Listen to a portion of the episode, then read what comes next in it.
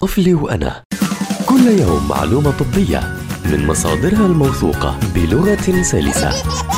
طفلي وأنا عبر أجيال مع أخصائية الأطفال وحديثي الولادة سما برغوثي.